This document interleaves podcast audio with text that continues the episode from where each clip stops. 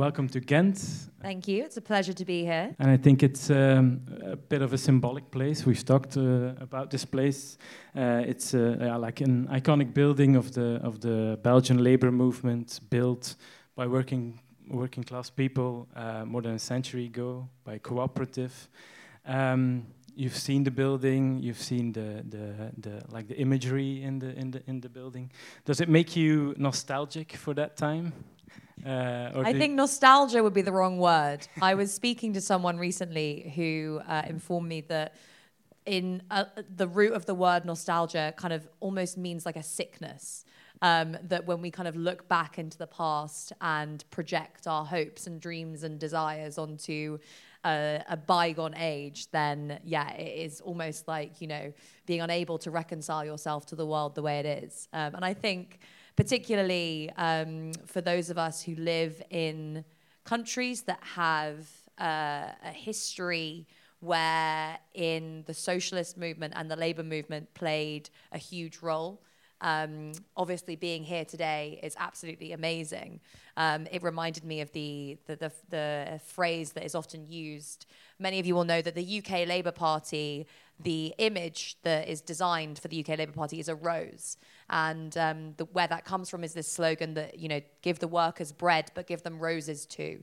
So it's this idea that, you know, it's not just about the kind of basic material things that we need to survive, but socialism is about promoting human freedom and flourishing um, throughout, you know, all areas of life. So hearing things like, I think um, I was being told earlier that there's a slogan in the concert hall that translates as something along the lines of art makes you noble. You know, it's, it's stuff like that that is really amazing and I think probably could make you nostalgic. Um, but without wanting to get into the heavy stuff too quickly, I write a lot about in my book how, um, it, you know, it's very easy to become um, really focused on the positive elements of what we in the UK refer to as um, the post war consensus, the Trente in, in France um, the golden age of capitalism, as it's referred to in, in parts of the US, that period after the Second World War when the labor movement was much stronger than it is today, before the onslaught of neoliberalism, before we had, you know, uh, the removal of restrictions on capital mobility, the assault on the labor movement, privatization, deregulation, um, when you know lots of national capitalisms uh, seem to be promoting equality, high wages, etc. Um, it's easy to look back on that age and think, oh, everything was great then, and it's true that it you know things were a lot more equal. But it's also important to remember that that was a very particular moment in time. Um, and it's one that's gone and it's one that is unlikely to return. And there are a lot of reasons for that. Firstly, we hadn't quite wrapped our heads around the fact that our relationship with the environment is one that we can't take for granted. So you can't continuously, you know, exploit. In the UK, for example, the strength of the labour movement was really centred on the strength of, of mining and coal mining in particular. Um, and that is something that's never going to return because we could not return to an age where our economy was based on something along those lines. Secondly, in lots of parts of the world, actually, colonialism was still very, very present in its really kind of overt and serious forms. So, you know, um, in, for example, the Portuguese colonies in Africa, uh, colonial independence movements were still fighting until the 1970s. Uh, colonialism was still um, a massive issue across much of the world.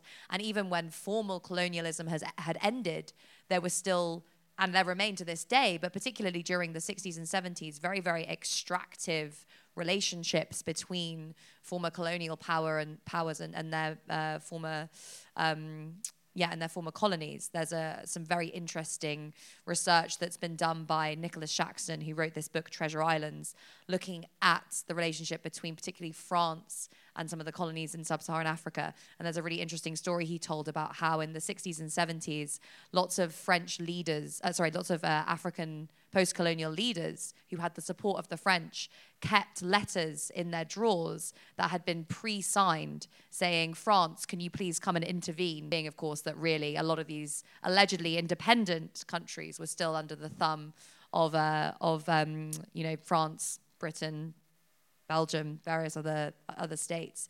So those years, whilst they were exceptional in the history of capitalism, and they were exceptional in the history of capitalism. Thomas Piketty has shown us this. He's shown us that this was a time where um, wage growth was, you know, higher than the return that you would get from investing your money in financial markets, which was very unusual it is not something that we could or even perhaps would want to recreate because it was ecologically unsustainable. It was based on extractive relationships between the rich world and the poor world. And really, you know, we've moved into an era where that nostalgia just isn't really appropriate anymore. And I don't think that it would be fitting to the legacy of those movements to engage in nostalgia because none of them were really looking back to fights that had taken place in the 1800s. And there had been lots of incredible fights throughout Europe that many socialist movements had won or had come close to winning, it would have been easy for them to think, oh, you know, if we could only go back to the 1870s or 1890s or wherever, you know, places like Germany where you had socialist movements really coming close to taking state power. They looked towards the future and they said, what kind of world could we build? What are the opportunities that we face today? And that's what gave us the NHS in, uh, in the UK, the power of the labour movement. It's what gave us the weekend. Um, it's what's given us all the kind of progressive developments that we've seen throughout history has been the capacity of socialists and of the labor movement to say what are the opportunities that we find today and how can we use those opportunities to build a better world than the one that we've seen in the past? Do, you think or do, do, you feel that uh, the labor movement in, in, in britain but in europe as well has been uh, too nostalgic and, and too and, and, not looking forward at what is possible and, and more of what, what, what, what should be kept. We should keep the weekend, I think. we should keep the weekend, but we could also have a four day week, right? Um, which I think uh, there's a union in Germany, IG Metall in Germany, has said, has been pushing for the four day week. And there's now a, a, a, coalition of unions in the UK as well who are saying we should have a four day week with um, full pay. So, you know, you'd have five days pay for four days work. And this was the same sort of thing that the, the unions were demanding when they demanded the, uh, the five day week. Um, what, what, the, the slogan was eight hours work, eight hours rest, eight hours sleep. And that was, you know, the whole idea about initial demands on, on constraints on working time.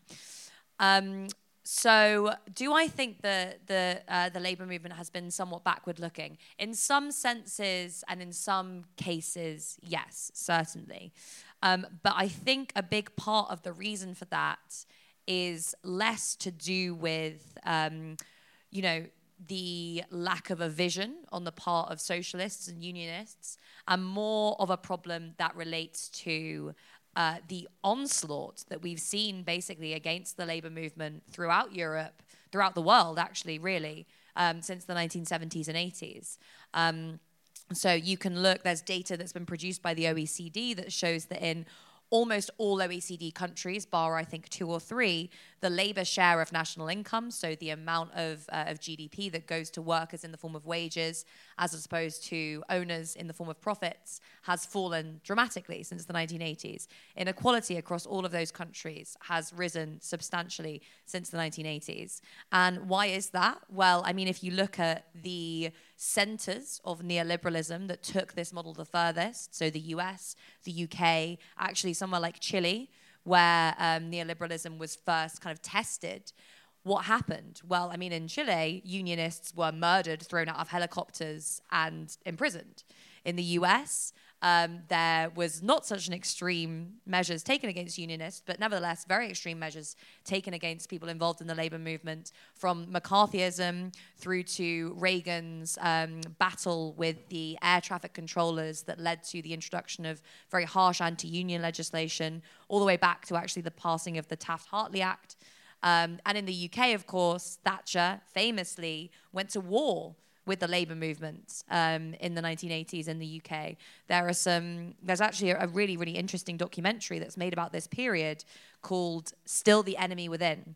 Thatcher famously referred to the labor movement in the UK as the enemy within, um, which looks at how Thatcherism destroyed communities throughout the UK, communities that really have been abandoned and have yet to recover from that um, from that attack. Basically, you know, the state, the police, was used against workers who were just fighting, basically to retain their jobs and to retain the strength of the labor movement. Thatcher won that battle. Reagan won that battle. Pinochet won that battle. All over Europe, in different ways, neoliberal governments won wars against the labor movements that had themselves won victories in the post-war period for higher wages, for welfare states, for um, you know nationalized healthcare. And when that happened, our, our whole society changed because the balance of power in our society changed. Um, and I think that's really the critical thing to bear in mind uh, because it's very easy to look at you know the changing patterns of history as kind of random and arbitrary or just driven by kind of intellectual trends or one election to the next. But really, I think what we see when we look back at the history of, of Europe, of America, of most of the world, it's that what happens when it comes to policy is really driven by who has the power. Um, and that's the position that we find ourselves in today. It's basically one where the labor movement has been beaten back, where social movements have been beaten back, where people in general have been beaten back by um, you know political parties that have really sought to undermine democracy um, in a lot of different ways. And changing that means trying to build power from the ground up. Yeah. Is that is that the, the, the biggest fault that, that, that the left left parties, labor movement has have been focused on on policy, on on on on little tweaks to the system and have have have lost their the, the what, what you call the balance of power and the fact that you need power in society that you, that you need to collectively organize people and that you, you, you need more than a slogan? I think this is a really interesting question because power, of course, power and policy aren't different things, right? There's a reason that they both have the first same first two letters. Politics, power, policy, all of these things are derived from the same root, which is, you know, this this idea of, of power. Um, and policy can change the balance of power. So when I go out, for example, today and I say we need a Green New Deal, um, you know, you could criticize that and say, oh, well, that's just Keynesian welfare spending of the kind that you had during the post war period. It's not going to change anything. It's not really going to lead to any dramatic transformations. But of course, there was a reason that um, a period where governments had committed to maintaining full employment, to having nationalized industries, to having expansive welfare states was also an era where the labor movement was powerful. It's because if you, as a worker, um, can rely on the fact that you will keep a job, that you can organize in defense of your job, that even if you lose your job, you won't lose your home, you won't lose your health care, you are in a position of power relative to your boss. You're in a position of power relative to capital as a whole. And neoliberalism has been about undermining that power. You know, we're often told that uh, neoliberalism was about shrinking the state. Now, of course, that is completely and utterly false. The state has not shrunk in any meaningful sense over the last 40 years. You just have to look at, there was an article out today showing that in the US, the fossil fuel se- sector receives something like $11 billion worth of subsidies every year, right? In the UK, you've had um, not deregulation, but re regulation. So, you know, uh, in the 1980s, there was a lot of talk about how the state was shrinking because there was privatization, the city of London was deregulated, the finance sector was deregulated. What actually happened, happened wasn't deregulation, it was a change in the nature of regulation and a change in the nature of regulation that benefited big financial institutions and ultimately in such a way that led up to the financial crisis of 2008. So it wasn't so much that the state, the state shrank under neoliberalism, it's that it was reoriented to support the interests of capital. And that's something that we've seen very, very clearly during this crisis, right? When it's been huge banks, huge uh, corporations that have been the first to receive support from the state, often subject to huge amounts of corruption in the UK, for example, we've had a number of, of scandals, basically, where ministers have effectively been dishing out money, cash, to their mates. Um, to their friends, you know, saying this is about saving the economy when actually it's it's just it's just plain plain old corruption. Um, so you know this this project was never really about shrinking the state. It was about attacking the power of working people.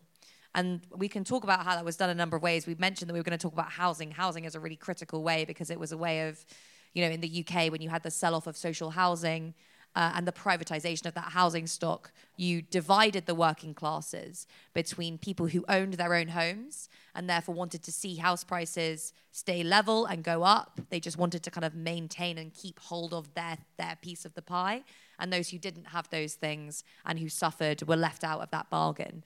Um, you had obviously the assault on the labor movement that I've just mentioned, but also the attack on the welfare state and the move away from uh, providing full employment, which was the goal of, of most central banks and most policymakers during the post war era, to targeting inflation. And what happens when you say, right, our goal is targeting inflation, interest rates go up, unemployment increases, and suddenly, you know, the labor movement is again disempowered relative to capital because you have mass unemployment. So all of these things were justified using ideas that were allegedly derived from very clever economists who had come up with very clever policies that you know ordinary people just they, we just couldn't understand the way that they worked and if we could only get an education in economics then we would be able to understand why it's right to cut taxes it's just economically sensible and just and um, rational to have an assault on the labor movement to privatize state-owned industries that was all, of course, just ideology. It was neoliberal ideology, and it was designed to conceal an assault on the labor movement. And that's, you know, uh, reversing those policies, in answer to your question, I've gone off on a bit of a tangent there, but reversing those policies would do something to uh, augment the power of workers. If we had, you know, um, a state committed to providing full employment, if we had genuine um, decommodification of the means of subsistence. I don't know if that translates into Dutch, but if you were able to have everything that you need to survive free or very cheap um, you know, at the point of use. So cheap housing, cheap food, cheap healthcare, cheap education, cheap broadband. That puts you in a more powerful position relative to your bosses. If we didn't, ha- if we removed anti-trade union legislation, if we had constraints on the ability of money to move around the world, all of these things would shift the balance of power. So policy matters, but to get to a point where we're able to implement those policies we have to do much, much more. And that requires really organizing outside of mainstream political parties, outside of these political institutions. And yes, you know, looking back to the successes of the labor movement and social movements in the past and trying to build on those in recent years, and, and, and we've seen a lot of them coming coming up, uh, like Extinction Rebellion, Black Lives Matter, those kind of organizations.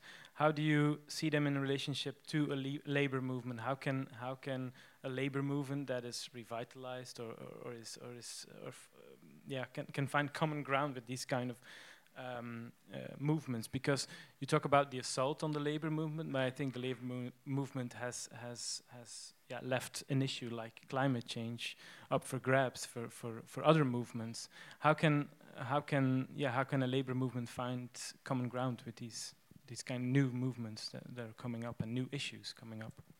Yeah, I mean, I think it depends where you look because some of the unions that are much more in touch with their members are much better on these issues. Um, so, you know, for example, in the UK, we have a whole load of unions.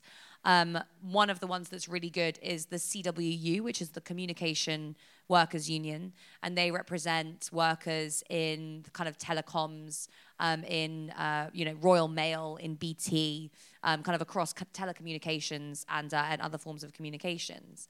And they have taken a very, very strong line on climate breakdown, saying we need a Green New Deal.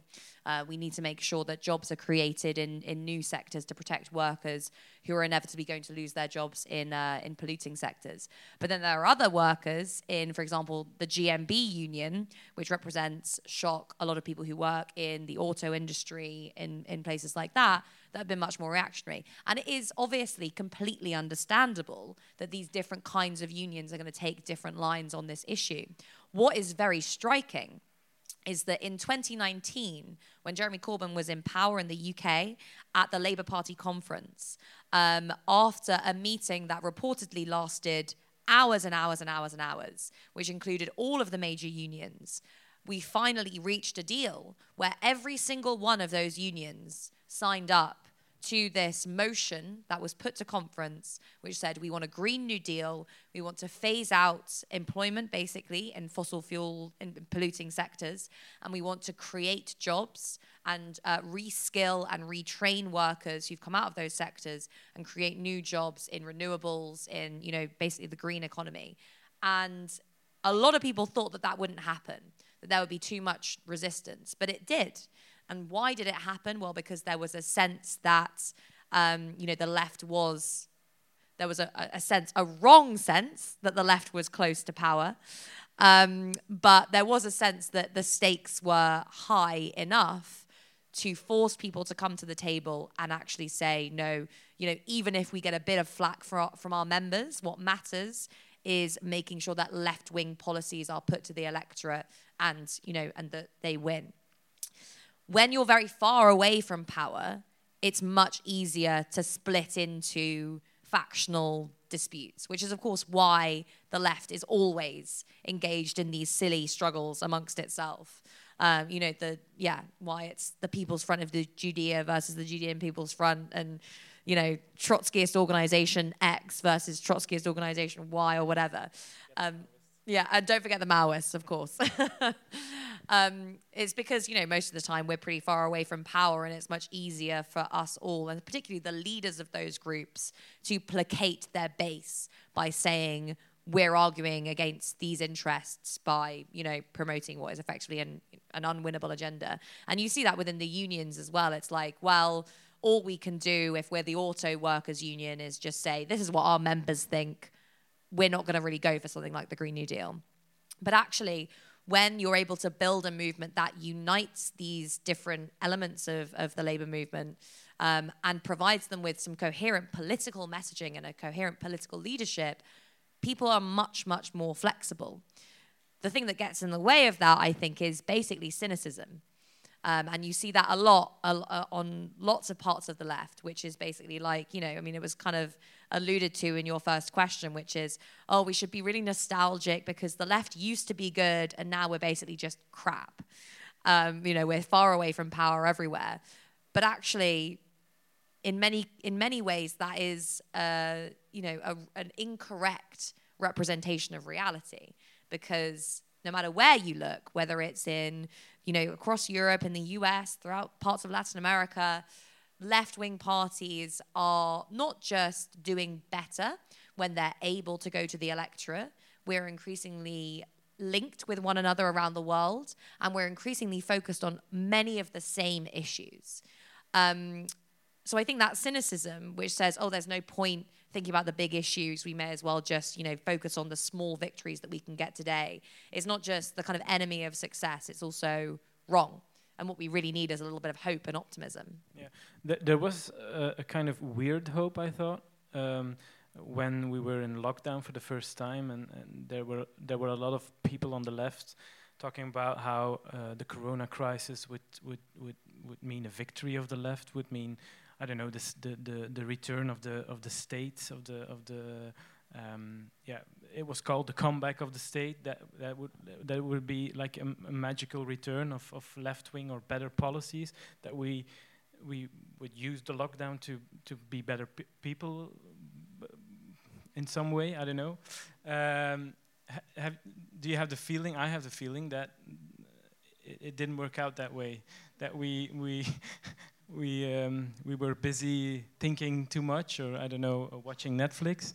Um, that that it again it, it it it just stayed with some ideas, and and and that while we were um, thinking about a better future, some people did did other stuff. Yeah, I mean, I wrote a book about this during lockdown. um, it's called The Corona Crash. I don't think it's available in Dutch, but if any of you can read English, then I'm sure you all can. Um, then it is, yeah, then you can get it from Verso. Um, but in that book, I basically argued that uh, any crisis, this crisis, the financial crisis, any crisis that you can think of throughout history, has always seen the dramatic expansion of the state into areas of the economy that it was previously not engaged in. And every time this has happened, there's a really great uh, there's a great quote by Lenin. Uh, Lenin says. Um, uh, what is the quote from Lenin? He says something like um, the the erroneous assumption that um, state capitalism. Um, that basically the bourgeoisie are constantly under the weight of this erroneous assumption that um, state capitalism is equivalent to socialism. Basically, that when the state spends more money, that's socialism. James Connolly, who was an Irish socialist, said the same thing. He has this essay uh, about state capitalism, basically, where he says there's loads of liberals in England that basically think that just because the government's nationalized the railways, they're living in some sort of socialist utopia, and they're wrong. Um, and this is, I think, the kind of the spirit that uh, that, that the, the book that I wrote was written in, which was that whenever there's a crisis, the state always steps in to save capital to save capitalists. Look at what happened during the financial crisis of 2008, for example.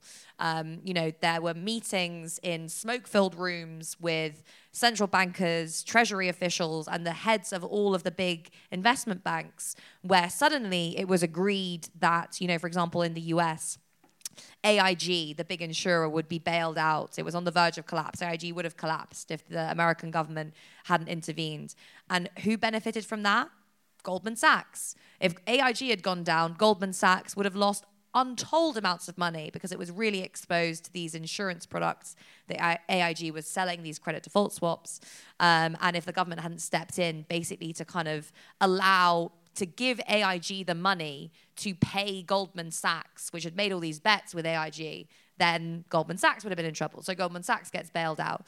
Um, J.P. Morgan, it's you know ends up paying a record fine um, to a number of different American um, uh, you know parts of the American government after it was basically revealed that its senior executives knew that it was selling shit basically mortgage backed securities, collateralized debt obligations to its clients, and it was doing so knowingly, it pays a big fine. None of them go to jail. There's no repercussions. There's very little substantial regulatory change. Um, and the whole system carries on as it was before, except for the fact that you now have governments saying, well, we bailed out the banks, so we're going to have to massively cut spending on healthcare, education, whatever else. You had the same thing in the UK banks bailed out to the tune of you know billions and billions of pounds. Iceland, Ireland, Greece, Spain, Portugal, all of these places where the bankers were bailed out and who was forced to pay for it? Well, working people. So again, you can see in all of these instances the state apparatus operating in a, in a moment of crisis saying, we're massively increasing state spending, we're bailing out the banks, we're spending all this money to keep the economy going. And who ends up walking away with all that money? The bankers, you know, the CEOs, um, the shareholders, and who ends up paying working people. You know, in the UK, we had an austerity program so severe that the British Medical Association, which is an independent body, said that it led to 120,000 excess deaths in the UK. 120,000 people died, and not a single banker went to jail. In Iceland, they put the bankers in jail, and their economy recovered far quicker than ever, anywhere else. That is not that is not a coincidence. Um, so the state frequently intervenes to protect the interests of, of big business, of big banks, um, and that is not something that's changed during the COVID 19 pandemic. Uh, central banks all over the world created trillions of, uh, have, have over the past you know, decade really, been creating trillions of dollars worth of cash They've used that cash to purchase assets from financial markets in this process that we now know as quantitative easing. That has pushed up asset prices, it has enriched the wealthy. During this crisis, they expanded those programs. In the US, those programs were expanded such that the United States Federal Reserve ended up buying the debt of effectively completely bankrupt companies, allowing those companies to continue to trade longer than they otherwise might have this idea that the state is expanding to in some sort of like kind of socialist utopia is completely and utterly wrong. It's expanding because big business, big banks need it to expand. Um, and ultimately, we will, I think, in a lot of countries, when this crisis is over, if this crisis is over, see a return to the narrative that we've spent a lot of money, we kept all you workers, you know, on the you know from dying well most of you we kept from dying a lot of you did actually die but whatever Um, you needed to die so that the economy wasn't destroyed. We kept you all um, in, you know, with 60% of your salaries, and now it's up to you to pay for that. Meanwhile, the wealthiest and most powerful people in the economy are going to be walking away with huge, huge uh, capital gains. I mean, if you've just seen the way that the stock market has performed over the last year, hedge funds, investment banks have made super profits, and it's going to be us who's going to be end up paying for it. And also, housing prices are rising. That's the only constant in this crisis. Uh, that's not a wave. Um, you call you call this, or, or you you argue you argue or you you predict that we're um, we're, we're uh, that COVID brought a new era of capitalism. You've talked about state capitalism. You, call it state monopoly capitalism. Is it? Uh, can you can you explain what, what, what you mean with that, and, and, and how did we get into this new era and, and, and, and economy? Yeah, so there are there are two elements to that, and I hope that you don't mind. I'm going to talk a, a, small amount about Marxist theory. I'm sure that many of you will be very comfortable with that, but just a, a, a warning. Um, so the state element of it. Some of you will be familiar with uh, the Marxist theorist Nikos Poulantzas, who was French, uh, and also the British Marxist theorist Ralph Miliband. Um, now, they famously engaged in a big debate in the 1970s about the nature of, of state power. Um, and effectively, you know, a lot of people, they, the two of them think that they were disagreeing really profoundly, as a lot of leftists do. Most people, including my former mentor who sadly died last year, Leo Panitch, who was an incredible Marxist theorist, said that basically they were both saying the same thing, um, which is that the state, like capital, is a social relation. Now, what does that mean? It basically means that what happens within state institutions um, reflects and reinforces the balance of power within society as a whole. Um, so, take a, a, country like the UK, for example, where uh, finance capital uh, is very powerful, owing both to um, you know historical reasons and to more recent uh, more recent changes. Um, and uh, finance capital has a lot of power within the state. The City of London, for example, is able to lobby quite heavily. The Bank of England, the Treasury, um, you know, lots of different institutions within the British state. Banks themselves have a, have a lot of power. They're able to shape what politicians do. Um, so there exists within the British state um, a kind of uh, bias, I suppose, towards the interests of big banks and big financial institutions. That isn't just because British politicians really like the banks. I mean, they do, but it's mainly because the banks have a lot of power within British society. Um, and you see this, you know, wherever you look in the world, uh, you can see the outcomes within the state generally reflect the balance of power between different forces outside of the state. Now, that is not a kind of one to one relationship. It's not the case that, you know, capital always wins or finance capital always wins or workers always win just because they have the most power outside of those institutions. But they're able to put up a stronger fight. And most of the time, that has meant that in societies like the UK, the big banks end up winning. Um, so the state as a social relation is one element of that, which basically means that what, what takes place within the state policy reflects the balance of power within society as a whole. Monopoly um, relates to Marx's theory of the centralization of capitalism. Now, Marx and a lot of his followers basically said that as capitalism develops, it becomes more centralized. And what he means by that is that a smaller number of institutions control more power and wealth.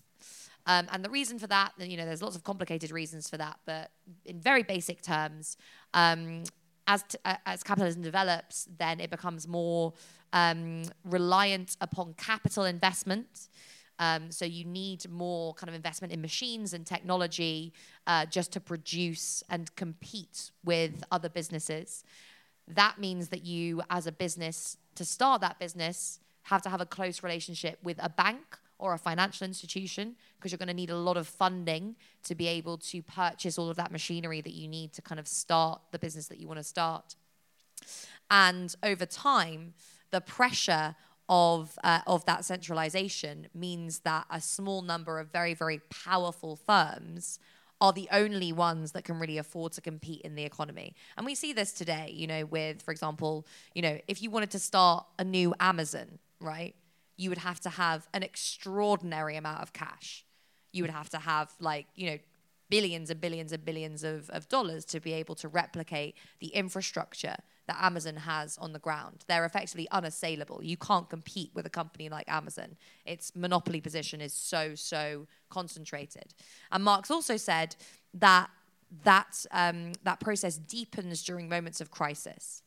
So when crises happen, small firms go under and they are bought up by larger firms, which then become more powerful. Again, we've seen that over the course of the pandemic. The big tech companies have become more powerful than they ever have um, and actually many of the big US investment banks as well. Um, it's something like five companies in the US are now um, uh, basically make up 20% of the value of the entire S&P 500. So five companies are worth 20% of the market capitalization. If you added up the market capitalization of the 500 largest companies in the US, just five are worth 20% of that. That's kind of unprecedented in the history of capitalism. So we're seeing this push towards basically uh, uh, greater amounts of wealth and power being concentrated in a very small number of hands. And again, those two things, those two elements of that equation, state and monopoly, reinforce each other. The monopolies have more power within the state. So they say, oh, you want to regulate Facebook? Mm, well, we don't like that, so don't do that, or we'll cut your campaign donations the state, um, you know, then introduces policies that work in the interests of these big businesses. So big businesses end up getting bigger, and you get this self-reinforcing cycle where more and more power is concentrated in a small number of states, in a small number of firms, and basically capitalism is the whole idea of the free market is exposed for the lie that it is. Capitalism isn't a free market system. It is a system which is centralized, which is planned, but which is planned by a small number of very powerful people. So, with with, a, with growing power of corporations and bigger corporations, you would imagine that we need a bigger or we need a, some kind of I don't know transnational state or supranational state, something like the EU, for example. Uh, um, uh, but yeah, the EU and, and you know what happened. Um, we've seen the, the, the fuel crisis and and and um, it hasn't been the best week of Boris Johnson, I think. Um, yeah, for us it looked a bit like. uh, told you so, but I don't want to go into that. Um, no regrets there, no. So many regrets. I mean, you know, as some of you will know, I um, I campaigned after we had the vote in 2016 that said we want to leave the European Union. Um, I was one of the people in the Labour Party who was saying this is something that people have voted for. If we don't respect this vote, then we will be destroyed at the polls. And the reason that we will be destroyed at the polls is that. Um, this vote to take back control, I think most of us know that it didn't really have anything to do with the common agricultural policy or you know the sustainability and growth pact right? This was not about the mechanics of the european union. This was about a feeling that was prevalent within british society that is prevalent in most neoliberal societies today that what powerful people do has nothing to do with what most people want. That basically the average person on the street has no control over the decisions that affect their lives. That the exercise of power has become more and more and more remote. Um, and that ultimately, you know, you can vote for whatever government you like, but nothing's really ever going to change. And that all of that anger which really results from neoliberalism, right? Neoliberalism has been about insulating our political institutions from democratic accountability. It's been about making central banks removed from democracy. It's been about making regulators removed from democracy, about making whole areas of state policy removed from democracy so that you really can't change what happens within the state from one government to the next. And all of that anger was then pushed onto this vote about the European Union, which really didn't have very much to do with the European Union. What became very obvious after that vote was that if the Labour Party said, well, you voted for this, but you really meant this, they would be put into the same category of elite politicians who refused to take any notice of what most people were saying. I was one of the people that was saying, look, Labour needs to say, respect the vote of the referendum, go for some sort of customs deal where you ended up in, you know, the kind of Norway plus arrangement where basically you were respecting the result of the referendum, you put this to the British people, you maybe had another confirm- confirmatory vote that allowed these politicians to say, we have respected what we were told to do in this referendum, which didn't create all the chaos that was ultimately generated by, um, by the Brexit deal. That didn't happen. What we instead had was a group of politicians who were basically very angry that Jeremy Corbyn was in charge of the Labour Party, saying, We should be the party of Remain. We should be the party that says we're going to have another referendum, that people were wrong the first time around. It's going to be us. It's going to be some elements of the Conservative Party, the Liberal Democrats, Tony Blair, David Cameron, um, getting together on a stage and saying, the British public, you were wrong, but we're going to give you another go. So don't worry about it. Obviously, that didn't go down so well, especially against the very clear message of Boris Johnson, which was just get Brexit done.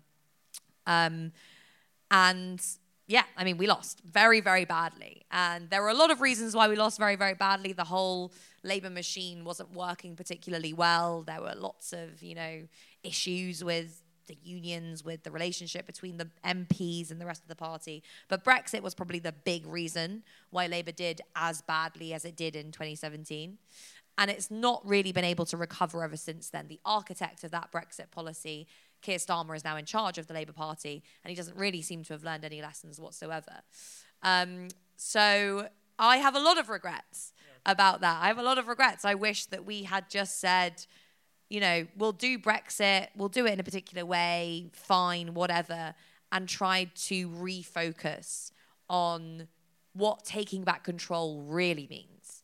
Because I think if you asked most people, what did you think you were taking back control from the EU for, they wouldn't re- really be able to say it. Whereas if Labour had gone to the British people and said, we actually want to give you some democracy, we want to democratize the state, we want decentralization, we want to revive local uh, local government. We want to have democracy within business so that your boss answers to you. We want to have democratic economic institutions like a national investment bank that would spread investment around the country. We want to democratize our whole society. We really want to give you back control. That would have been potentially an appealing offer. But instead, it was we'll have another referendum. Uh, you've you've always been uh, a, a, Eurosceptic, I think. Um, you've been critical of the EU as a as a neoliberal project. Uh, um, uh, have you lost? Uh, yeah, maybe a weird question, but have you lost faith in in this kind of institutions? that will they always be inherently neoliberal, or or is is there is there a way to to yeah to revive this kind of transnational projects or institutions? Yeah, I mean, again, I think much as you know, the state should be seen as something that reflects the balance of power within our societies. If you had um, kind of cross-border arrangements between states that were socialist or that were responsive to the interests of workers, then it would be a very different arrangement indeed. My biggest issue, and my biggest issue with the EU and with any form of transnational government, has always been again this question of democracy. Um, it is about how you hold people to account, um, because you know the further removed people are from their the institutions that are supposed to represent them, um, the less they really feel invested in this idea of democracy. Now, in the UK, we're one of the most centralized countries in Europe. Um, most of everything that happens is basically decided within a square mile in the center of London. Like all of the important political decisions in our country are, are made there. There is very little local, regional government to speak of, and people resent it. Um, people, you know, really re- resent it. Uh, in many ways, Brexit was kind of a backlash against that. The Scottish independence referendum, the rise of Welsh nationalism, all of these things are, in many ways, a backlash against this real kind of perversion of democracy. Um, and I think the EU is is just as bad, not just because it is this kind of supranational institution where um, you it's very difficult even to see how you turning up at the polling station, voting for your MEP, your MEP being part of a list of a much bigger political party over which you have very little influence, and then going into the um, the parliament and voting on things over you which over which you have very little influence. That in itself would be a long enough chain to make the democratic weight of this institution um, much more questionable. The fact that even if something goes through the European Parliament, it can then be quashed by the Council and Commission is just a travesty, really, when you're thinking about the way that democracy should work. It's not really a democratic institution um, in any way, shape, or form. Unless, of course, you think that, you know, getting all the heads of state of all the European countries um, to decide what happens is itself democratic because they're all democratically elected. Personally, I would again question whether or not that really counts as democracy.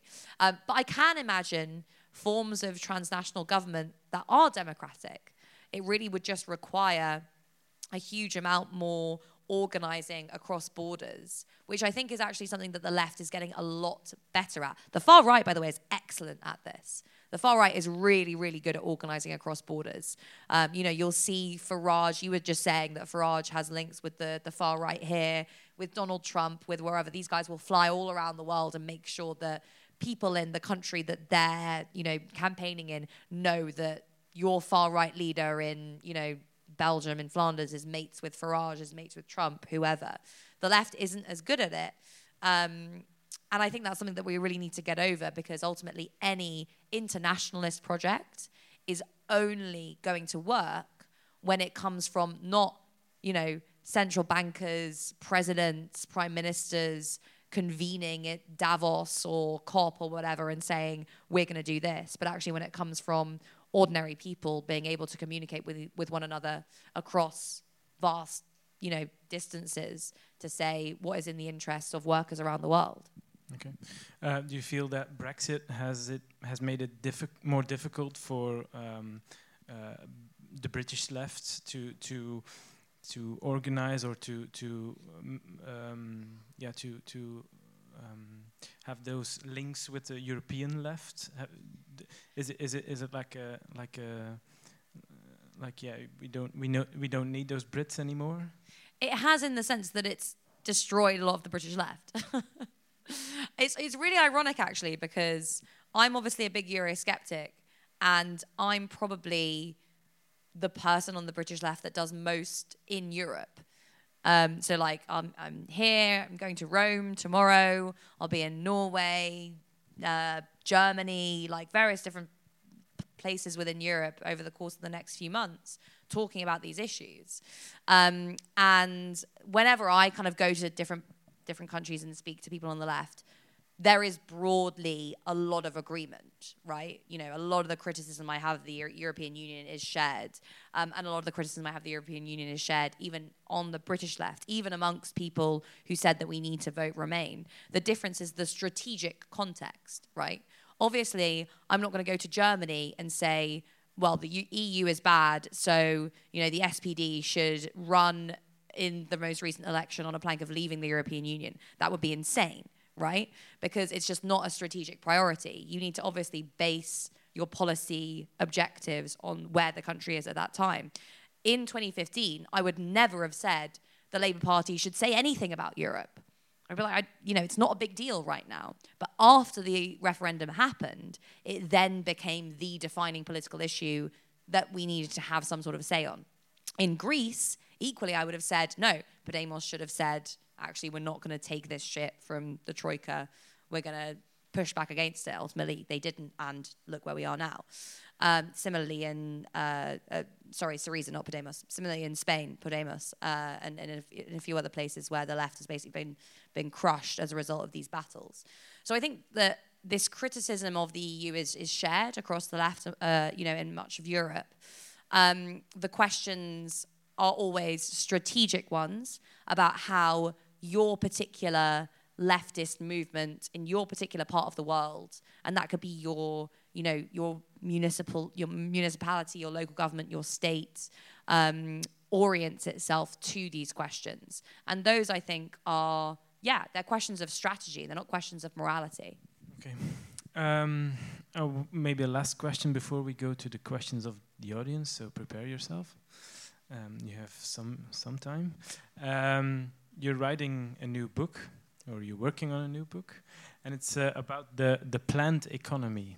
Um, I think I don't I don't know if you in the audience associated with Soviet Union, uh, but it's not about uh, uh, that kind of uh, planned economy. You argue that um, we live in a capitalist planned economy.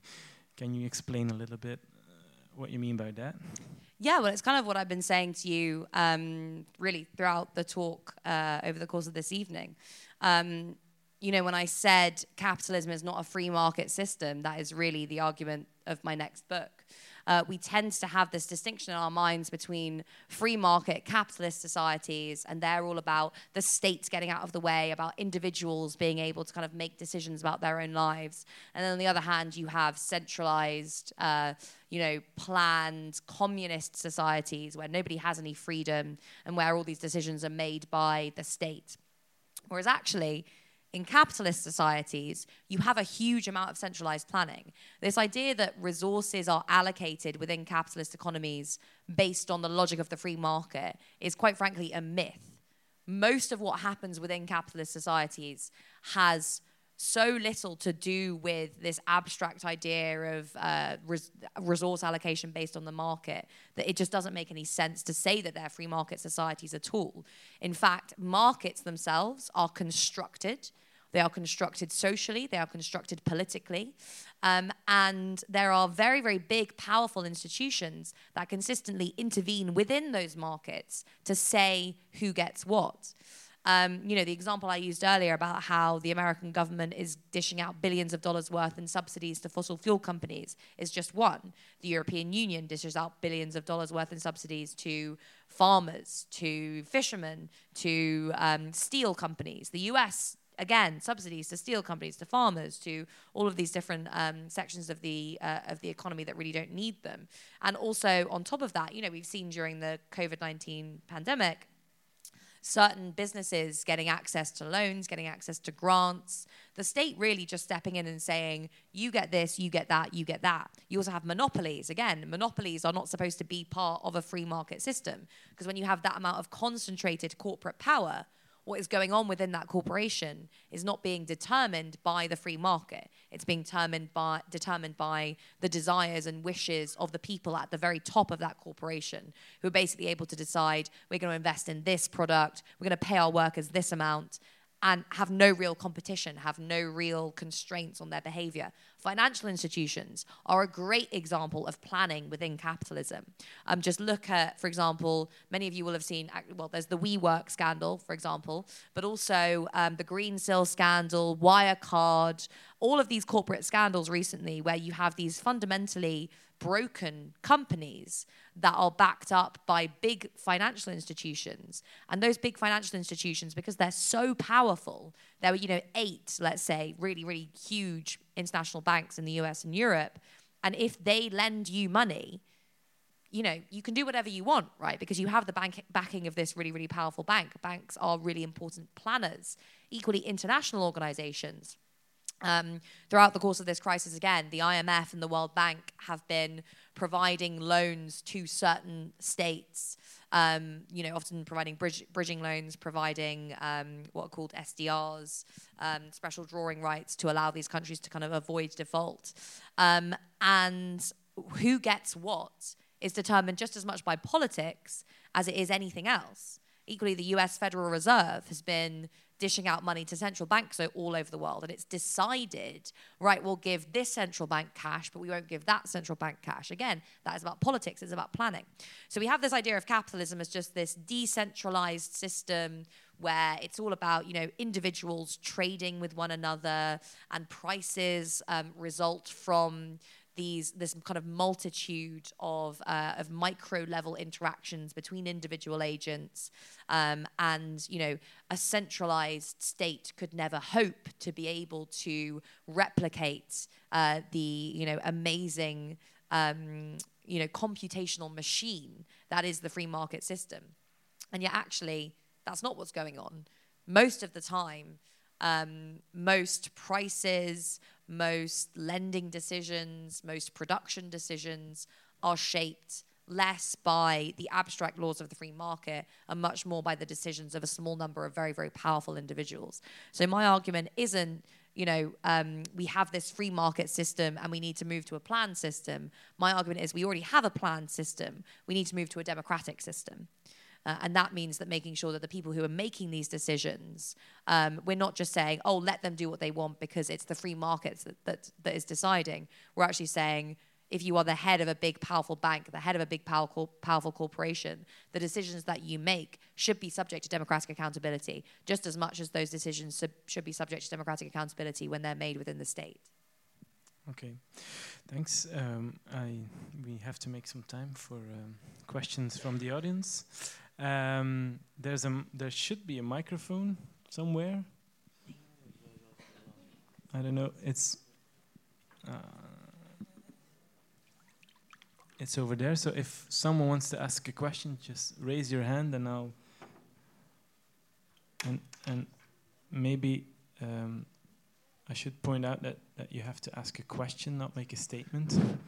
Um, so there's, there there needs to be a question yes. mark at the end. I, I've got the mic. Um, Big Bad Boris today stated at his Tory conference that he wants to level up and he accuses you of Labour to love leveling down. How do you respond to that? Well, I mean, the Labour Party, as it stands at the moment, I wrote a, an article only last week pointing out that Keir Starmer, the leader of the Labour Party, in his speech didn't say the word inequality once. That's pretty astonishing for a leader of a Labour Party, a Social Democratic Party in the UK, especially in the context of a pandemic that's seen inequality rise substantially. Keir Starmer didn't really mention anything about, you know, substantial um, reductions in inequality and regional inequality. That's a big part of what levelling up means. We're, again, one of the most regionally unequal countries in Europe. So London is this massive powerhouse um, that is the wealthiest region in Europe when compared to all the other regions in Europe and you have parts of the northeast that are as poor as parts of Eastern Europe. So we're very regionally unequal. That's what the levelling up agenda is supposed to be about. Labour doesn't really have a plan for that. I don't disagree, but neither does Boris Johnson, right? So this idea that, you know, the Tories are the party of the working classes because they're the ones that are going to be tackling inequality is just obviously absurd. Um, the rhetoric, however, the speech that he made, the um, the way that Boris Johnson has been able to frame himself has been very powerful. Bear in mind that Conservatives have been in power for the vast majority of the last 25 years. And yet Boris Johnson is able to come in and say the low wage, low productivity, low growth model of the past is over. It's like your party did all that, right? And sure, New Labour didn't change any of it. Keir Starmer probably isn't going to want to change any of it either. But the idea that Boris Johnson is going to change any of that is just quite frankly absurd. It's, you know, Johnson, the Conservatives are the party of capital. They are broadly going to continue most of the policies that we've seen since Margaret Thatcher. The problem, of course, as you've alluded to, is that the Labour Party doesn't really have an alternative. The policies that were outlined in 2017 and 2019 did provide something of an alternative.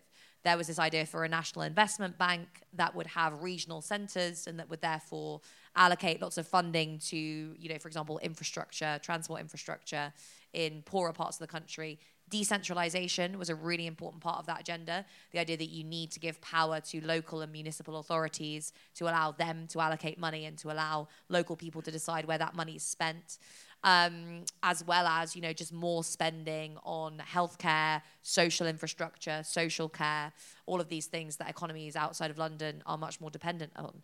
Um, so Boris Johnson doesn't have any of the answers, but the Labour Party needs to really up its ambitions as well. Would be my response. Okay, another question from the audience. I don't see. Okay. Yeah, thank you. Um, you were uh, speaking about the shift of focus from full employment to inflation targeting, and you also mentioned how uh, we should have a process of democratization in um, central banks. Um, I wonder how, if we look at history, we've kind of seen that rampant inflation is maybe not such a good idea, and how could we how did we ever make a shift from more democratic uh, distribution of power of who is in power in a central bank and did it change? And how could we do that? Because if you look at turkey where the erdogan appoints his son to be the head of the central bank you see that their uh, monetary policy is not really going in the right direction. So i'm trying to imagine how we could do that but i, I don't really know how yeah, so the last time there was any real shift in the nature of central banking was in the post war period, where many central banks were nationalized. The Bank of England, for example, was nationalized. Um, and that introduced a measure of democracy into how monetary policy was, was made. Um, it basically meant that ministers were able to influence or set interest rates. Um, and this didn't really solve anything. Um, basically, because, I mean, you know, obviously during the post war period, you had central bank policy that was not just targeted at inflation, it was targeted at um, reducing the output gap. So, at basically making sure that the balance between inflation and unemployment was right, that all of society's resources were being used to their full capacity, um, and therefore, you know, making interest rates, uh, yeah, setting interest rates in line with that goal that bargain broke down during the 1970s when you had the stagflation crisis and you had simultaneously high inflation and high unemployment. Raising interest rates wasn't going to do anything because it was largely being driven by um, supply side constraints, so by the oil price spike. Um, and if you tried to increase interest rates during that period, then it would have created mass unemployment. That is, in the end, what people like Thatcher and Reagan did. They massively increased interest rates, it created mass unemployment really drove the economies in, these economies into the ground, but also defeated the power of the labor movement, which then, over the long run, um, allowed them to claim that they'd got inflation under control. I actually really dispute that version of history, right? I think what happened in the 1970s was similar to what's happening today. You know, today we're seeing this massive increase in inflation that's being driven by, um, firstly, supply chain issues, and secondly, um, and secondly, commodities prices.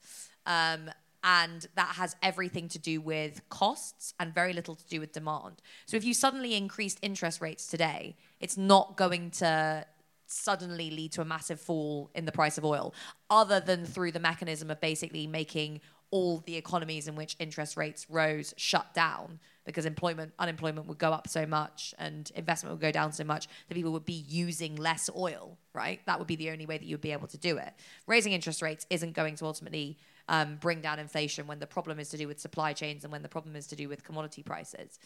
Um, so, yeah, this kind of version of events that basically says that when you have uh, democratic control over central banks, you get inflation, is really a misreading of history. Um, inflation, like in most cases where you've had a significant spike in inflation, has been driven by something like the oil price spike or something like the pandemic, something that's really kind of fundamentally changed relationships in the global economy, or it's been driven by corruption and mismanagement by a particular state. Turkey and Erdogan is a very good example of this. Um, you know, Zimbabwe, Venezuela, you know, Weimar Germany, all of these are, are good examples of places where basically the states kind of lost the ability to kind of control um, what goes on in the monetary system.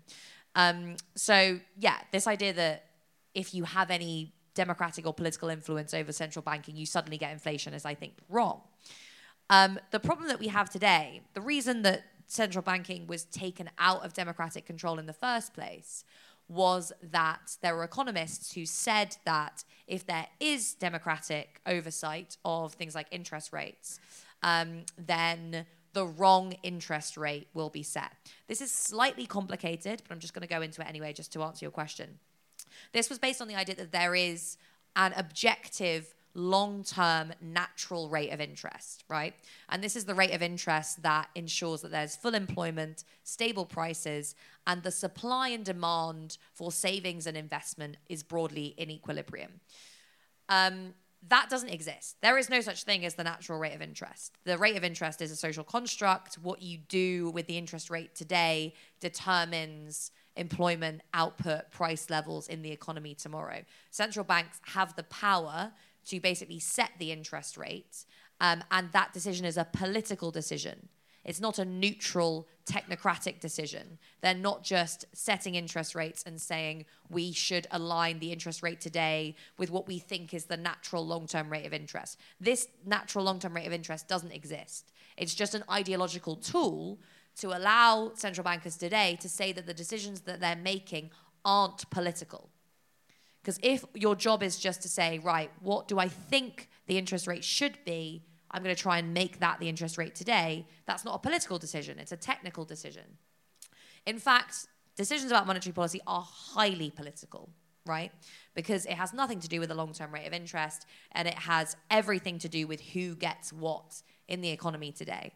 So, you know, for example, the kind of extraordinary monetary policy that we've seen over the last, you know, more than a decade now has boosted house prices, increased wealth inequality, driven this massive bubble in stock markets, allowed the very, very wealthy to generate huge capital gains. Um, without really doing anything to support the interests of the less wealthy. We've had this ideal scenario for capital, which has been runaway asset price inflation and little to no consumer price inflation. This is the perfect scenario for capital. When you hear people say um, that they, you know, they really care about inflation, ask them whether or not they care about asset price inflation. Ask them whether or not they're going to do something about the fact that you know the value of housing is going up five, ten percent every year. They don't particularly care about that when they're talking about consumer price inflation, um, and that is a problem because central banks are making decisions about who gets what. They're making distributive decisions about inequality, about the fundamental structure of our society, about which businesses get to thrive and which businesses fail. And there's no democratic oversight of those decisions. We can look at what central banks to, are doing today and say quantitative easing is increasing wealth inequality, but we can't do anything about it because we've made the decision that those people are so much smarter than the rest of us that we don't get to even set them goals we don't really get to decide what how they make the decisions that they're supposed to be making. We don't really get to decide what they're able to do. Um, this idea that they're supposed to be targeting consumer price inflation is set in stone, and no political parties really ever thought to challenge that. So they're beyond democratic accountability, and that's profoundly wrong. And it's a big part of the reason why we live in such an unequal society today. is because the power of the central bank is unchallenged. The power of the central bank was unchallenged before the financial crisis. The power of the central bank was unchallenged during the financial crisis. These are the institutions that, without which it would be impossible for big banks, big businesses to survive. They're making massive decisions about the way that our economy works, and we have no influence over that decision making process.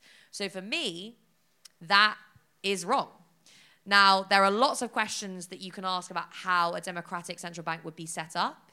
Um, and I have a lot of ideas about that, and I would be happy to talk to you about it afterwards. But I think we have to first get to the point where we accept these institutions are planning our economies, and we have no control over what they're doing.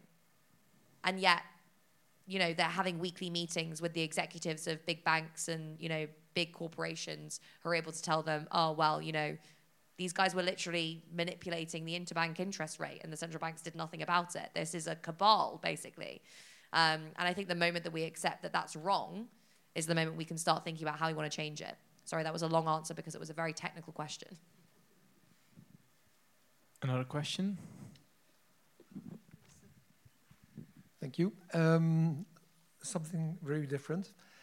Um, could socialist movement learn something about from the young uh, climate activists that actually doing famous things, the Gretas of our days?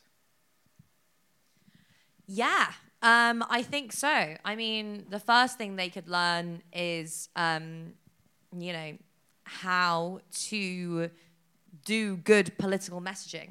Because I think, you know, the Greta Thunbergs and um, the school strikers, um, for example, have done a huge amount to shift public debate in a very short space of time on the issue of climate breakdown. And part of the reason they've been able to do that is because they're very adept at communicating, they're very adept at messaging. Um, the other thing, of course, that a lot of these movements have relied upon is extra parliamentary action. So, action outside of what we would ordinarily describe as politics. Now, of course, politics is not just electoral politics, it's everything that we do across all of these institutions to try and shift power. It's organizing within the labor movement, it's protest, it's direct action, whatever. But we have quite a narrow view of politics um, in you know, a lot of our democracies where we basically think politics is just what we do when we turn up to vote, or maybe occasionally we go to the meeting of a political party. Um, I think a lot of these climate activists have a much more expansive view of politics, wherein, you know, getting out onto the streets, you know, like uh, Extinction, Re- I have some problems with Extinction Rebellion, but when they've done things like shut down the Murdoch press, that was a political statement and it made an impact. Um, so I think, yeah, kind of having a view of politics that isn't just defined to winning elections, but is actually de- defined by being able to shift the consensus on issues as massive as climate breakdown is definitely something that the labor movement could learn from things like Extinction Rebellion and uh, Greta Thunberg and whoever else. And ultimately, if we could build a movement that combines the ability to do great direct action, great protests with organizing in workplaces and organizing in political parties, it would be unstoppable. It's just a clash of cultures trying to get Greta Thunberg to meet with the union leaders, to meet with the head of these political parties. There's some other questions. Uh, so this is a slightly idealistic and naive question, maybe, but I think it's good to have a healthy dose of those, uh, especially in these cynical times. Um, you, I mean, I think we all realize system change is needed.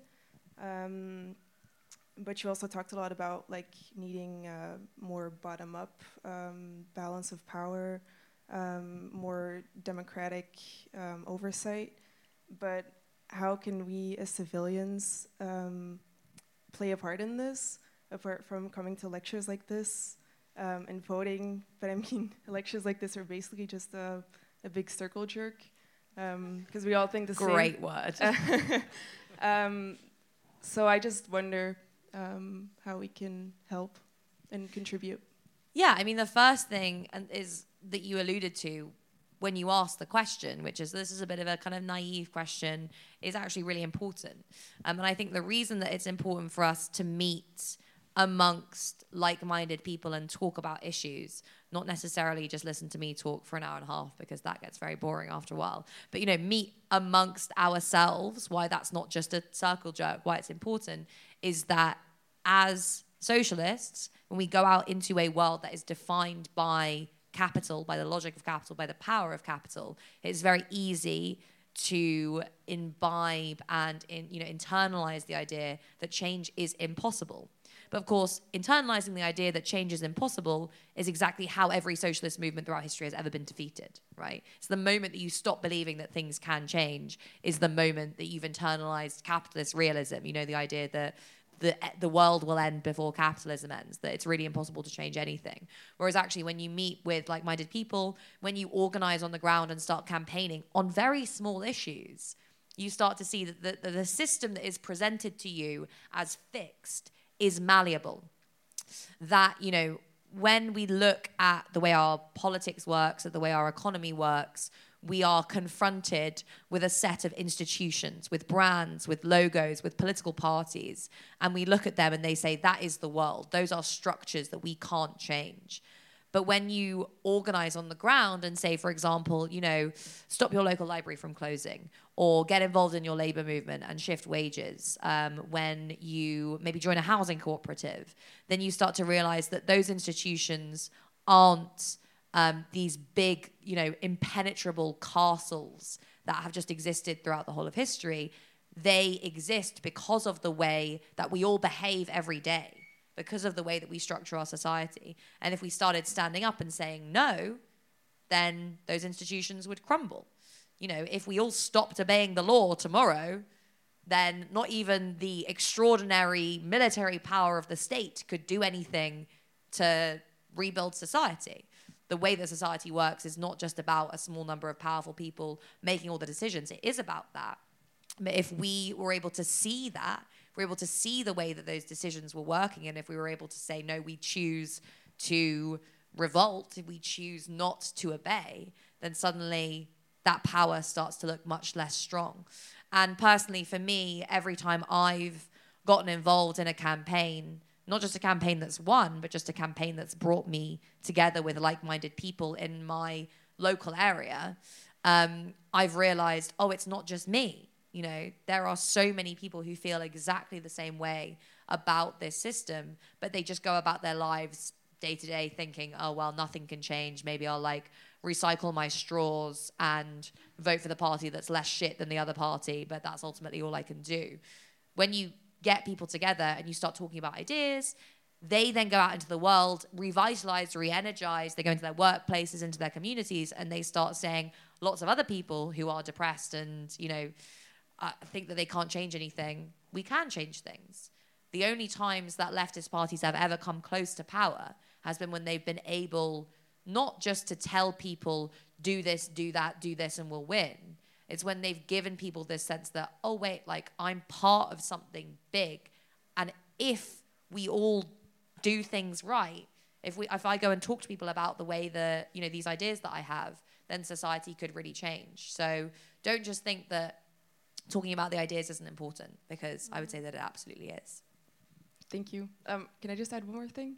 Um, I, I, talk to a lot of people, and uh, some people think we're at like our max growth potential. They say like you know a lot of has changed throughout history, but um, we're we've plateaued. Um, nothing's gonna change anymore.